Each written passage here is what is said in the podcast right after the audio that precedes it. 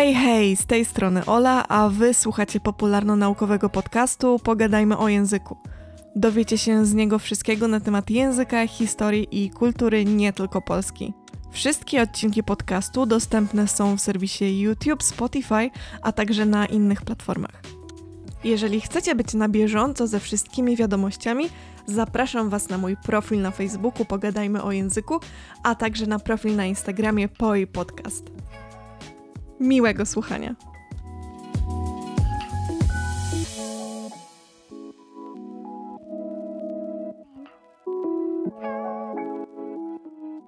Dzisiaj porozmawiamy sobie trochę o imionach. O imionach w ramach memologii stosowanej.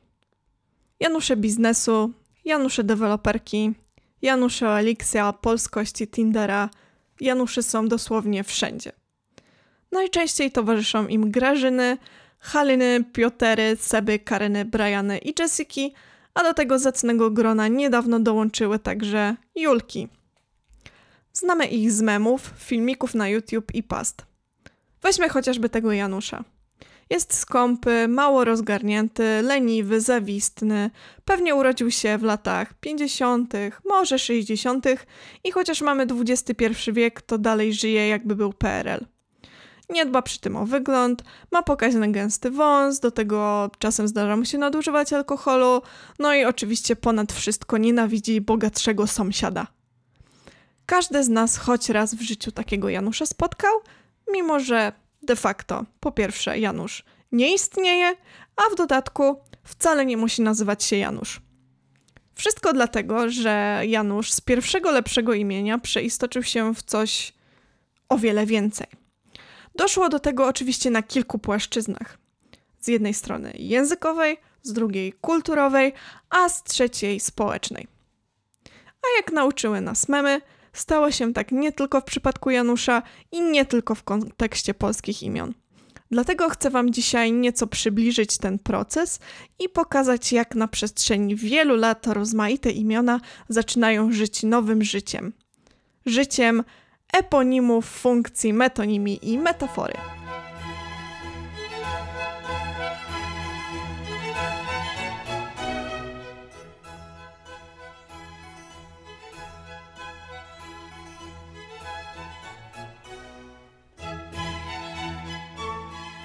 Zaczniemy od odrobiny historii. Stereotypowych Januszy ma w składzie chyba najbardziej znana polska pasta, czyli Mój stary to fanatyk wędkarstwa. Jej autorem jest Malcolm XD i na jej podstawie powstał film Fanatyk. Polecam. Bardzo fajnie się to ogląda. Tytułowy ojciec z tej pasty ma przechować swoją łódkę właśnie u, cytując, jakiegoś Janusza. Mimo, że z pastami i memami już tak bywa, że ciężko dogrzebać się oryginału, czy choćby dokładnej daty ich opublikowania, to z własnego doświadczenia mogę powiedzieć, że pasta ta śmiga po internecie co najmniej od 2013, może 2012 roku. Natomiast samo określenie Janusz, wbrew pozorom, wcale nie musi wywodzić się z internetu. Posłuchajcie tylko o tym. Jak przytacza Kaczerzewska i pisze Tomasz Sachaj, Pierwszy raz określenia Janusz użyto podczas akcji, która miała na celu ośmieszenie kibiców, których zachowanie przypominało kibicowanie reprezentacji lub Adamowi Małyszowi podczas wyjazdu kibiców Lecha Poznań na mecz z Lechią do Gdańska w 2008 roku. A więc Janusze były znane w środowiskach kibicowskich jeszcze przed rozpowszechnianiem się memów na ich temat. Z kolei u zarania polskiego internetu miała za to miejsce inna akcja związana tym razem bezpośrednio z Januszami. Chodzi o wielkie wejście nosacza sundajskiego w roli zwierzęcego uosobienia typowego Polaka. Nosacz ten znany jest dziś szerzej jako Małpa Polak, a zawdzięczamy to najprawdopodobniej znanemu vlogerowi, nadczłowiekowi i satyryście o pseudonimie Testowiron. Tu przechodzimy do kolejnej kwestii, czyli fuzji Janusza i typowego Polaka, bo te dwa określenia w pewnym momencie wymieszały się ze sobą, zyskując status synonimów.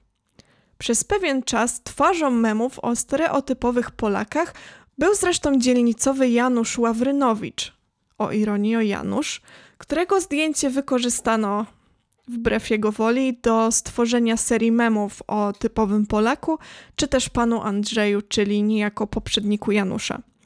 Dziś ten format jest już chyba nieco przestarzały, a na pewno zepchnięty w cień przez nosacze.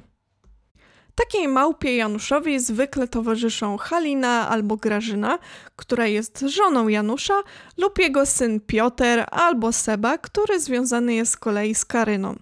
Najmłodsze pokolenie z rodu Januszy to z kolei Brian i Jessica. Każde z tych określeń wiąże się z pewnymi atrybutami przypisanymi do konkretnego imienia. O Januszu już sobie powiedzieliśmy, a Grażyna czy Halina to taki jego żeński odpowiednik.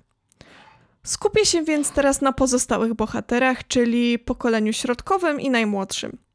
Każdy z nich, podobnie jak dziadkowie, reprezentuje wybrane negatywne cechy wyglądu lub charakteru, które tak bardzo lubimy wyśmiewać. Piotr jest w tej kwestii najbardziej neutralny. Ma on charakter raczej takiego everymana, z którym każdy z nas, mających rodziców Januszy, może się identyfikować. To dlatego memom z Piotrem często towarzyszą teksty wypowiadane przez stereotypowych polskich rodziców z tego pokolenia, czyli coś w stylu uczcie synek, bo ja tego do grobu nie wezmę, albo ty już zostaw ten komputer i weźcie do nauki. Z kolei Seba i Karyna to takie stereotypowe odzwierciedlenie życia na blokowiskach o dość słabej renomie, czyli fuzja dresiarzy, blachar albo plastików to właśnie oni mają nadawać swoim dzieciom potencjalnie bardziej światowe imiona, czyli Brian albo Jessica.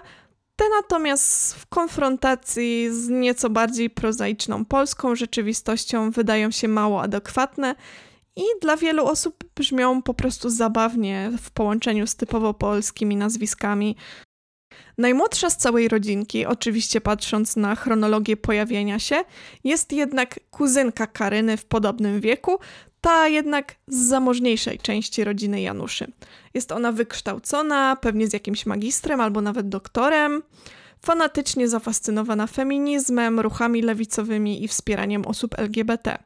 Przy tym jest też naiwna i reaguje histerią i agresją na jakąkolwiek krytykę.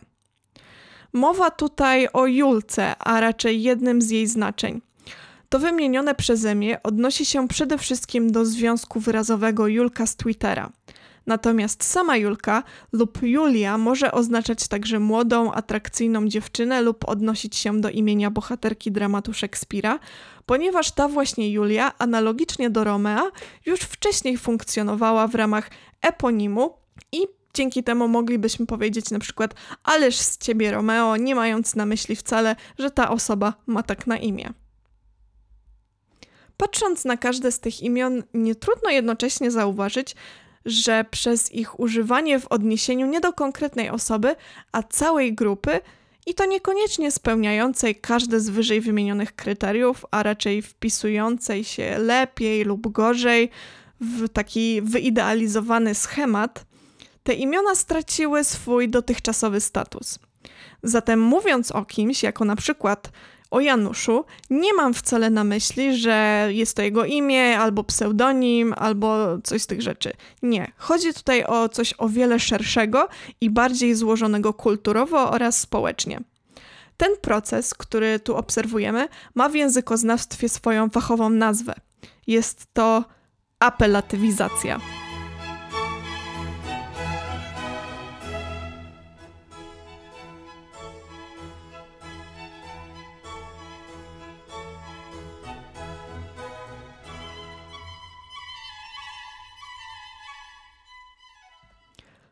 Apelatywizacji mówimy wtedy, gdy jakaś nazwa własna osoby, przykład imię, nazwisko lub pseudonim, określana fachowo antroponimem, zostaje poddana procesowi znaczeniowemu, w wyniku którego staje się wyrazem pospolitym, czyli takim, którego używamy do określenia całej klasy, osób, zjawisk, przedmiotów itd. Ten produkt końcowy nazywamy z kolei właśnie eponimem, a konkretnie eponimem odimiennym, czyli takim, który wziął się z jakiegoś imienia. Taki los właśnie spotkał Janusza, Julkę, Sebę i całą resztę tej gromady i myślę, że dobrym pomysłem byłoby zaakcentowanie tego poprzez zapisywanie tych imion, nie imion, małą literą, czyli tak jak zapisujemy inne wyrazy pospolite. Oczywiście nie mówię, że jest to niezbędne, ale to byłaby taka wisienka na torcie apelatywizacji. Proces ten nie jest przy tym niczym nowym, co obserwujemy dopiero na przykładzie Janusza czy memów internetowych. Jeden z najbardziej znanych przykładów apelatywizacji pochodzi z Biblii i dotyczy Judasza.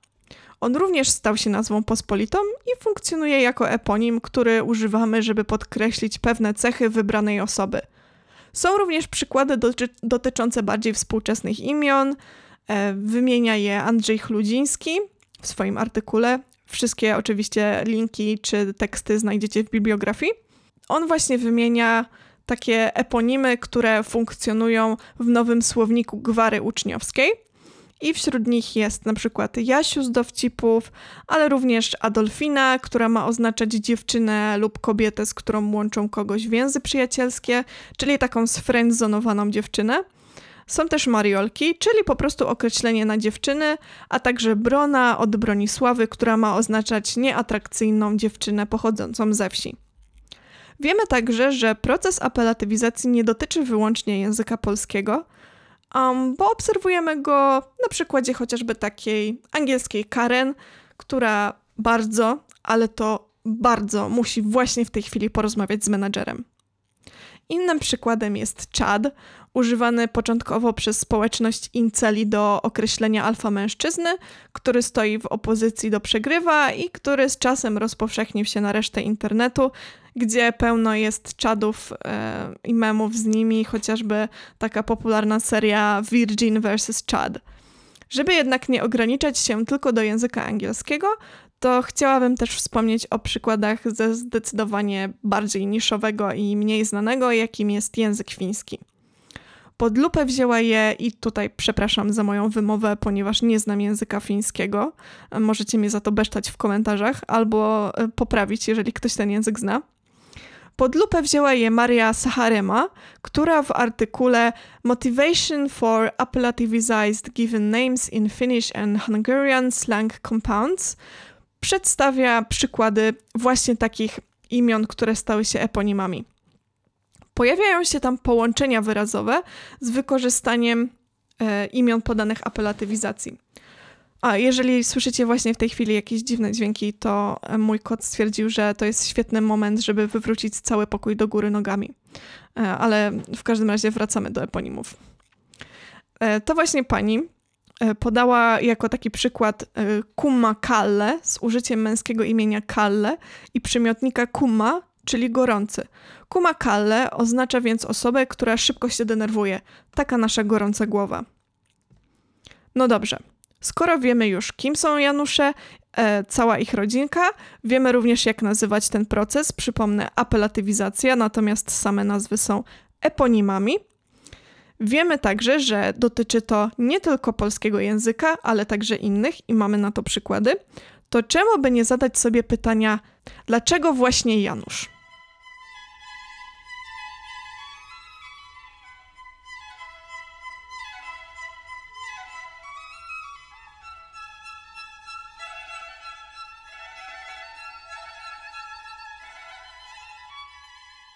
W języku polskim mamy do dyspozycji setki, o ile nie tysiące imion, mm, biorąc pod uwagę ich rozmaite warianty i coraz to nowsze trendy.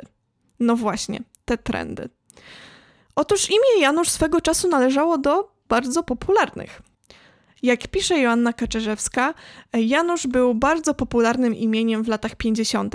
Januszowy rekord padł w województwie mazowieckim, gdzie w roku 1957 nadano to imię aż 1163 chłopcom. Kaczerzewska dodaje również, że duża część osób noszących to imię jest obecnie w wieku od 58 do 67 lat, a więc jest to wiek naszych ojców, wujków, babć, dziadków, mam itd. Tak no i w związku z tym, że to raczej nasze pokolenie, a nie to starsze tworzy internet i to nasz głos jest najbardziej słyszalny, nastąpiła degradacja e, imion, które były w tamtym czasie popularne, stąd właśnie ten Janusz, Andrzej, e, Halina, Grażyna czy inna Krysia. No i cóż, nie sposób się z tym nie zgodzić. Tylko co z eponimami, które mają charakteryzować osoby już z młodszego pokolenia? No cóż, y, sprawdziłam na stronie dane.gov.pl, jak to się rozkłada w latach 2000-2019. No i muszę przyznać, że takie Julie naprawdę w rankingu popularności imion królują. Detronizują przy tym zarówno popularne również Maje, Leny, Wiktorię i Natalię. Natomiast e, imię Sebastian nie jest już aż tak popularne, chociaż można je spotkać w około pierwszej dwudziestce w tych latach. Zdecydowanie popularniejsze jest Jakub czy Mateusz. A w przypadku Karyny, czy też Kariny, no to jest już e, zupełnie inna kwestia, bo Karyna nie pojawia się w tym rankingu wcale, a Karina należy zdecydowanie do tych mniej popularnych imion żeńskich. Jeżeli w tym przypadku więc niepopularność, no to może efekt kuli śnieżnej, czyli pojedynczy mem, pasta, żart albo wpis, od którego zaczęła się kariera Karyny jako takiego eponimu e, wykorzystywanego później w mediach. E, zresztą o tym samym można mówić w przypadku Grażyny, ponieważ to imię raczej miało kojarzyć się pozytywnie. No i tutaj taka mała ciekawostka. Mm, imię Grażyna wymyślił Adam Mickiewicz, który napisał poemat właśnie o takim tytule. I imię to pochodzi od litewskiego słowa graži, które oznacza piękna. Trochę to ironiczne, nie sądzicie? No i właśnie, taka Grażyna trochę chichot losu z pięknej stała się e, symbolem obciachu, no ale spotkało to również naszego Janusza, e, kiedyś dumnego. Zresztą imię to nosił na przykład książę Janusz I starszy albo książę Janusz II. No a dziś wyobraźcie sobie takiego księcia Janusza. Nie jest dobrze. W przypadku bardzo wielu eponimów trudno jest wskazać źródło ich pochodzenia, czy moment, w którym ta aplatywizacja zaszła, i w którym zaczęły być popularne, używane nie tylko przez jakieś pojedyncze osoby, ale przez naprawdę spore grupy.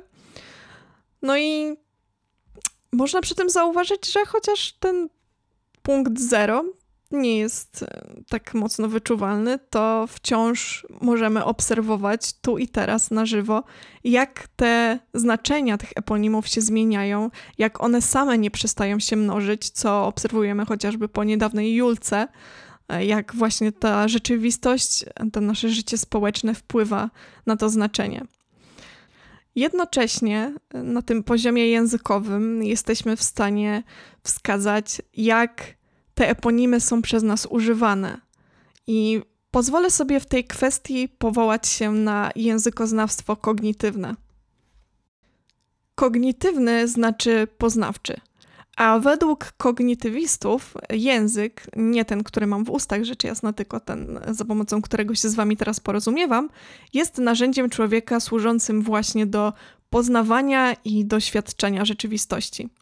Natomiast takim elementem naszej codziennej komunikacji, w której używamy języka, i takim elementem bardzo bogatym, intrygującym, szeroko opisywanym przez kognitywistów są metafora i metonimia. Znacie je przede wszystkim jako środki stylistyczne. Poszukujecie ich na przykład w wierszach, kiedy dostajecie polecenie, a wyszukaj mi tutaj metaforę albo metonimię, albo inne środki w romantyczności Mickiewicza. Tutaj natomiast metafora i metonimia postrzegane są szerzej. Są naszym narzędziem, sposobem postrzegania rzeczywistości. To właśnie na zasadzie metonimii funkcjonują eponimy, czyli taki Janusz albo Julka, a część z nich może funkcjonować również na zasadzie metafory, także tej wizualnej. Otóż każdy z eponimów można opisać za pomocą teorii wyidealizowanych modeli kognitywnych. I nie zniechęcajcie się, wiem, że ta nazwa brzmi przerażająco, ale już Wam wszystko tłumaczę. Takie modele to po angielsku Idealized Cognitive Models, e, w skrócie ICM, ICM e, i pozwólcie, że właśnie w ten sposób będę je nazywać, po prostu ICM-ami.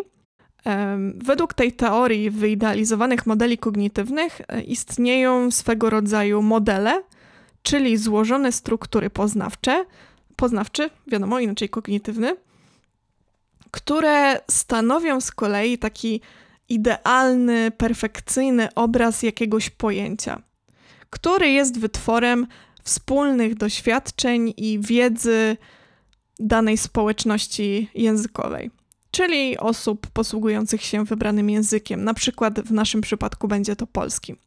Żeby taki model, a więc pojęcie, mogło funkcjonować, musi ono zostać ucieleśnione. Ucieleśnienia ludzie, my dokonujemy poprzez osadzanie tych pojęć w naszej ludzkiej fizyczności. Tak po prostu jesteśmy stworzeni. Ponieważ jednak operujemy również pojęciami abstrakcyjnymi, przykład taka miłość, to żeby móc je ucieleśniać, w wielu przypadkach po prostu obchodzimy problem abstrakcyjności i używamy w tym celu metafory oraz metonimii. W ramach tej teorii wyróżnia się kilka rodzajów modeli kognitywnych, tych właśnie ICM-ów, w tym właśnie ICM-y metonimiczne i ICM-y metaforyczne. Oba wchodzą w skład ICM-ów symbolicznych. W przypadku eponimów skupię się na tych pierwszych. Taki na przykład Janusz używany jest przez nas na zasadzie metonimii i reprezentuje on ICM metonimii, a konkretnie ICM kategorii i cechy. Oznacza to, że element kategorii używany jest w nim za typową cechę. Przykładem może być wyrażenie ale z ciebie Janusz albo a, pracuję u Janusza. Tylko skąd wiadomo, że jest to metonimia, a nie metafora? No cóż, tutaj potrzebne jest wprowadzenie kolejnego pojęcia. Nie bójcie się, już wszystko tłumaczę. Pojęcie to to desygnat, czyli przedmiot, osoba lub zjawisko, do których odnosi się dana nazwa. Przykładowo desygnatem słowa pies będzie stworzenie, które ma najczęściej cztery łapy, ogon i szczeka. Taka metonimia wprowadza nam element zamiany. Metonimia zamiana. A więc wymieniamy coś na coś innego. Tylko, że w metonimii ta wymiana występuje pod warunkiem, że dokonujemy jej w ramach elementów mających obiektywny związek z desygnatem lub kiedy dotyczy to desygnatu określonego przez część związanych z nim elementów. Przykładowo mogę powiedzieć, że przyjechało do mnie Podlasie. Rozumiemy w ten sposób, że nie wziął się nagle region i do mnie nie przyjechał. Używam metonimii. Wiemy, że mamy do czynienia z metonimią, bo zamieniłam mieszkańców Podlasia na nazwę regionu, w którym mieszkają. Związek został więc zachowany. Jeśli więc mówię, ale z ciebie Janusz, zamieniam wybraną cechę na eponim reprezentujący zbiór tych cech, w którym ta się znajduje. Na przykład chcę przez to powiedzieć, że jesteś skąpym ignorantem. Z kolei taka metafora odróżnia się od metonimii tym, że no tu już wchodzimy na poziom wyżej, wychodzimy ze strefy komfortu. To znaczy bierzemy słowo z jednej dziedziny i budujemy połączenie z zupełnie inną dziedziną. Nie jest to rzecz jasna połączenie czysto losowe, bo metafory to w rzeczywistości produkty naszych osobistych, a więc subiektywnych skojarzeń. Weźmy takie morze gwiazd. Morze gwiazd jest skojarzeniem bezkresności wielkiej wody morza i nieskończoności nocnego nieba, które nad tym morzem możemy zaobserwować. Metaforą będzie wykorzystanie nosacza sundajskiego jako uosobienie Janusza, czy też typowego Polaka, ponieważ na zasadzie subiektywnego skojarzenia dostrzegamy między nimi podobieństwo. Podsumowując, o eponimach mówimy wtedy, kiedy nazwa własna została w procesie znaczeniowym nazywanym apelatywizacją przekształcona w nazwę pospolitą. Tych właśnie eponimów, przykład Janusza, używamy w funkcji metonimii, a czasem także metafory. Tyle by tutaj było z teorii.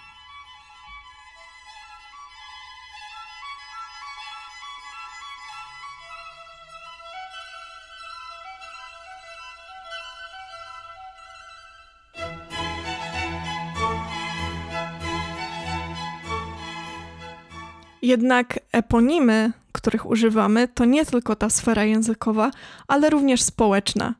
I jeżeli miałabym wskazać na interesującą rzecz, która te eponimy łączy, to byłby to jakiegoś rodzaju konflikt społeczny. Jak pisał Percy Cohen, konflikt społeczny istnieje tam, gdzie cele jednej grupy są osiągane w taki sposób, że uniemożliwiają innym grupom realizację ich celów. A jak widzimy, tych grup i interesów w naszej wspólnocie językowej jest naprawdę wiele. Spójrzmy chociażby na taką Julkę z Twittera, która ostatnio chyba najsilniej ze wszystkich wymienionych przeze mnie przykładów oddziałuje na internetowe audytorium. Stało się tak z dwóch powodów. Po pierwsze, ze względu na serię protestów, które przewijają się w Polsce od końca października i których uczestniczki czasem nazywane są pogardliwie właśnie Julkami. Po drugie, z powodu bitwy na młodzieżowe słowo roku, której pokłosiem było najpierw usunięcie Julki z plebiscytu PWN, a następnie całkowite anulowanie konkursu, no bo skoro nie Julka, to nagroda dostałaby się najnowszej polskiej jednostce monetarnej wynoszącej dokładnie 70 milionów. No, czyli coś równie, jeżeli nie bardziej upolitycznionego, a przez to kontrowersyjnego. Pozwólcie jednak, że nie będę teraz komentować samego plebiscytu ani kwestii E, pozajęzykowych związanych e, z Julką i z protestami. Jeżeli e, macie ochotę o tym ze mną porozmawiać, to zapraszam Was na social media. A tymczasem chciałabym odnieść się także do innych eponimów, ponieważ konflikt dotyczy nie tylko Julki, a chociażby takiego Janusza i Grażyny. Oni stanowią esencję wszystkiego, czego młodzi nie cierpią w swoich rodzicach i dziadkach. Ten międzypokoleniowy zgrzyt widać w memach z ich udziałem, w traktowaniu tych imion jako pospolitych wyzwisk, po prostu takiego obciachowego określenia. Można powiedzieć, że to taki nasz odpowiednik boomera, które to określenie nie bardzo dało się przełożyć z amerykańskiej rzeczywistości na naszą, więc potrzebowaliśmy czegoś, co lepiej oddawałoby nastroje społeczne. Tylko, że konflikt pokoleń to nie wszystko, co zawiera się w Januszu i Grażynie. Jest tam również walka klas – w końcu Janusz i Grażyna zazwyczaj albo są z tej niższej warstwy, są słabo wyedukowani, albo na przełomie lat 90. i 2000 stali się nowobogackimi, a w rzeczywistości reprezentują takie małomiasteczkowe czy powiedziałabym stereotypowe wiejskie podejście do pewnych spraw. Konflikt klasowy stanowi też esencję istnienia Seby i Karyny. W końcu są oni stereotypowymi reprezentantami słabo wykształconej młodzieży lub młodych dorosłych z nizin społecznych. Można by więc powiedzieć, że problemy i podziały społeczne odbijają się w eponimach jak w lustrze. A ponieważ nagrywam ten podcast w Mikołajki i zbliża nam się tutaj Boże Narodzenie, to pozwólcie, że pozwolę sobie na odrobinę nachalnego moralizowania, bo chociaż te konflikty są, były zawsze i zawsze będą, to od nas zależy, czy będziemy je pielęgnować, czy mimo tak wielu różnic postaramy się znaleźć wspólny język. I chociaż nie jest to łatwe, sama tego doświadczam, wszyscy tego doświadczamy, to w ramach takiego nastroju świątecznego, czy jakby tego nie nazwać, chciałabym życzyć sobie i Wam tego właśnie, czyli porozumienia i solidarności. Dziękuję bardzo za uwagę. Do usłyszenia.